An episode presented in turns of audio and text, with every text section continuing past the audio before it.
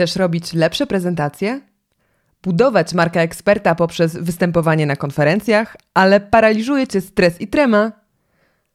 A może chcesz lepiej występować przed kamerą i robić webinary na tysiąc i więcej osób? Ja nazywam się Anna Prączuk-Omiotek, a ty słuchasz podcastu Anna Pro. W tym podcaście poznasz metody, techniki, taktyki i triki, jak występować profesjonalnie na scenie i w online. Witam Cię w kolejnym odcinku nagrywanym z Kalifornii. W tle nadal e, Alcatraz. W poprzednim odcinku powiedziałam o trzech rzeczach, które warto umieć w swoim pitchu, aby był lepszy. A dzisiaj powiem o tym, co można poprawić, co można zrobić lepiej. No to zaczynajmy!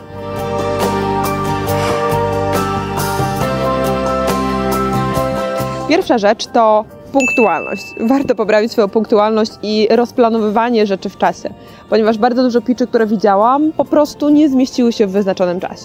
Jeżeli masz pitch, który ma trwać 3 minuty, to zrób go przez 3 minuty, zrób go na 3 minuty i ani sekundy więcej. Jeżeli na 5 minut, to przećwicz go tak, aby trwał 5 minut i wcale nie dłużej.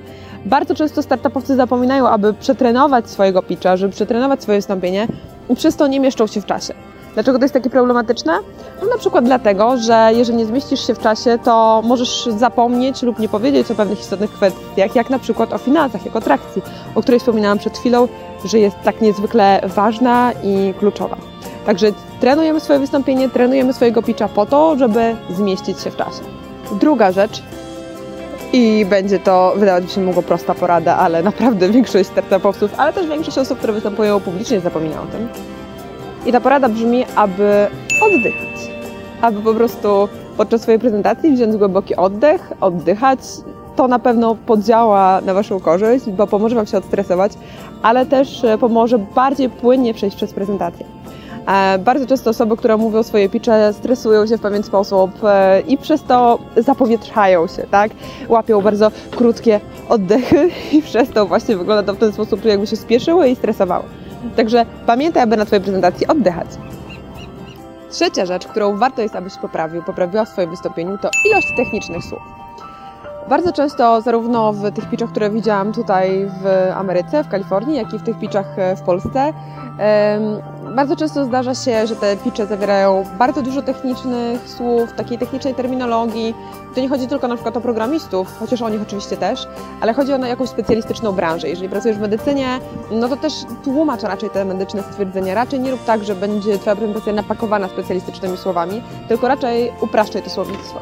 Steve Jobs kiedyś mawiał, że jeżeli opowiadasz o jakimś produkcie lub usłudze, to mów o tym, jakbyś mówił do trzylatka.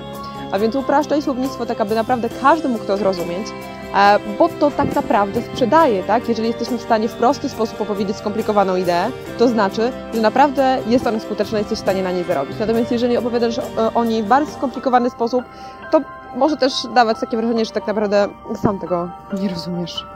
I teraz czwarta rzecz, którą warto poprawić w swoim pitchu, to już taka kwestia też bardziej ogólnie związana z wystąpieniami publicznymi, czyli postawa. Bardzo często e, osoby, które występują, no, nie mają tej postawy jak najlepszej, a chodzi o to, żeby jednak mieć tą postawę wyprostowaną, żeby być otwartym do publiczności, co daje też takie wrażenie, że jesteśmy otwartą osobą, jesteśmy otwarci na pytania, na feedback. No niestety zdarzało się na pitchach, które widziałam, e, że osoby miały rękę w kieszeni, albo stały trochę przegarbione, e, albo gdzieś biegały wzrokiem po suficie czy po chmurach. A tak naprawdę znów jest to kwestia tylko i wyłącznie albo tylko i aż treningu swojego wystąpienia. Więc y, gdy trenujesz swoje wystąpienie, to trenuj zarówno to, w jaki sposób będziesz mówił, ale też jak będziesz stał, stała przed publicznością. I teraz piąta rzecz, o której powinieneś, powinnaś pamiętać w swoim pitchu, to to, aby bardzo wyraźnie podać nazwę swojej firmy. E, na wielu pitchach widziałam, że nazwa firmy i kontakt do firmy pojawił się tylko raz, maksymalnie dwa na początku i na końcu. Natomiast bardzo często te nazwy startupów są mega wymyślne, mega kreatywne, co oczywiście jest na plus. Natomiast jeżeli podasz tą mega kreatywną nazwę startupu tylko na końcu albo tylko na początku, obawiam się, że nikt może jej nie zapamiętać.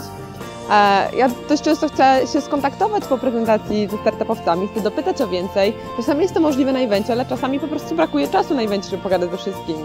No ale jeżeli ktoś nie podał wyraźnie danych e, swoich do kontaktu, ani na przykład a na przykład slajd końcowy z kontaktem przewinął mega szybko, co bardzo często się zdarza, to po prostu nie wiem, jak się z taką osobą skontaktować. Także pamiętaj, aby podać wyraźnie e, nazwę firmy, e, może nawet nie tylko na jednym slajdzie, ale na kilku slajdach i żeby przez dłuższą chwilę zostawić slajd kontaktowy. No i szósta rzecz, e, którą warto poprawić w swoim wystąpieniu, mm, to wiąże się ta rzecz z mm, moim poprzednim filmem, gdzie powiedziałam o trzech rzeczach, które różnią pitchowanie w Ameryce, a pitchowanie w Polsce. Mianowicie pitche amerykańskie, w zasadzie te, które widziałam w Kalifornii, zawierają ogromną dawkę entuzjazmu, natomiast polskie niekoniecznie czasami tego entuzjazmu brakuje. Dlatego szóstą, ostatnią, ale nie najmniej ważną rzeczą, którą chcę, żebyś dodał do swojego pitcha, jest właśnie entuzjazm. Ok, i to tyle na dzisiaj. To właśnie jest te sześć rzeczy, które warto jest, abyś poprawił, poprawiła w swoim wystąpieniu. Warto jest, abyś to udoskonaliła. Zachęcam, żeby zastosować się do tych wskazówek. To są wskazówki, które e, zebrałam na podstawie tych pitchów, które widziałam zarówno w Kalifornii, jak i w Polsce. Mam nadzieję, że jest to dla Ciebie w pewien sposób wartościowe. Daj znać proszę w komentarzu, czego jeszcze chcesz się dowiedzieć i do zobaczenia w kolejnym odcinku. Cześć! I to tyle na dzisiaj. Dziękuję Ci za wysłuchanie dzisiejszego odcinka. Jeżeli ten materiał Ci się spodobał, to subskrybuj ten podcast.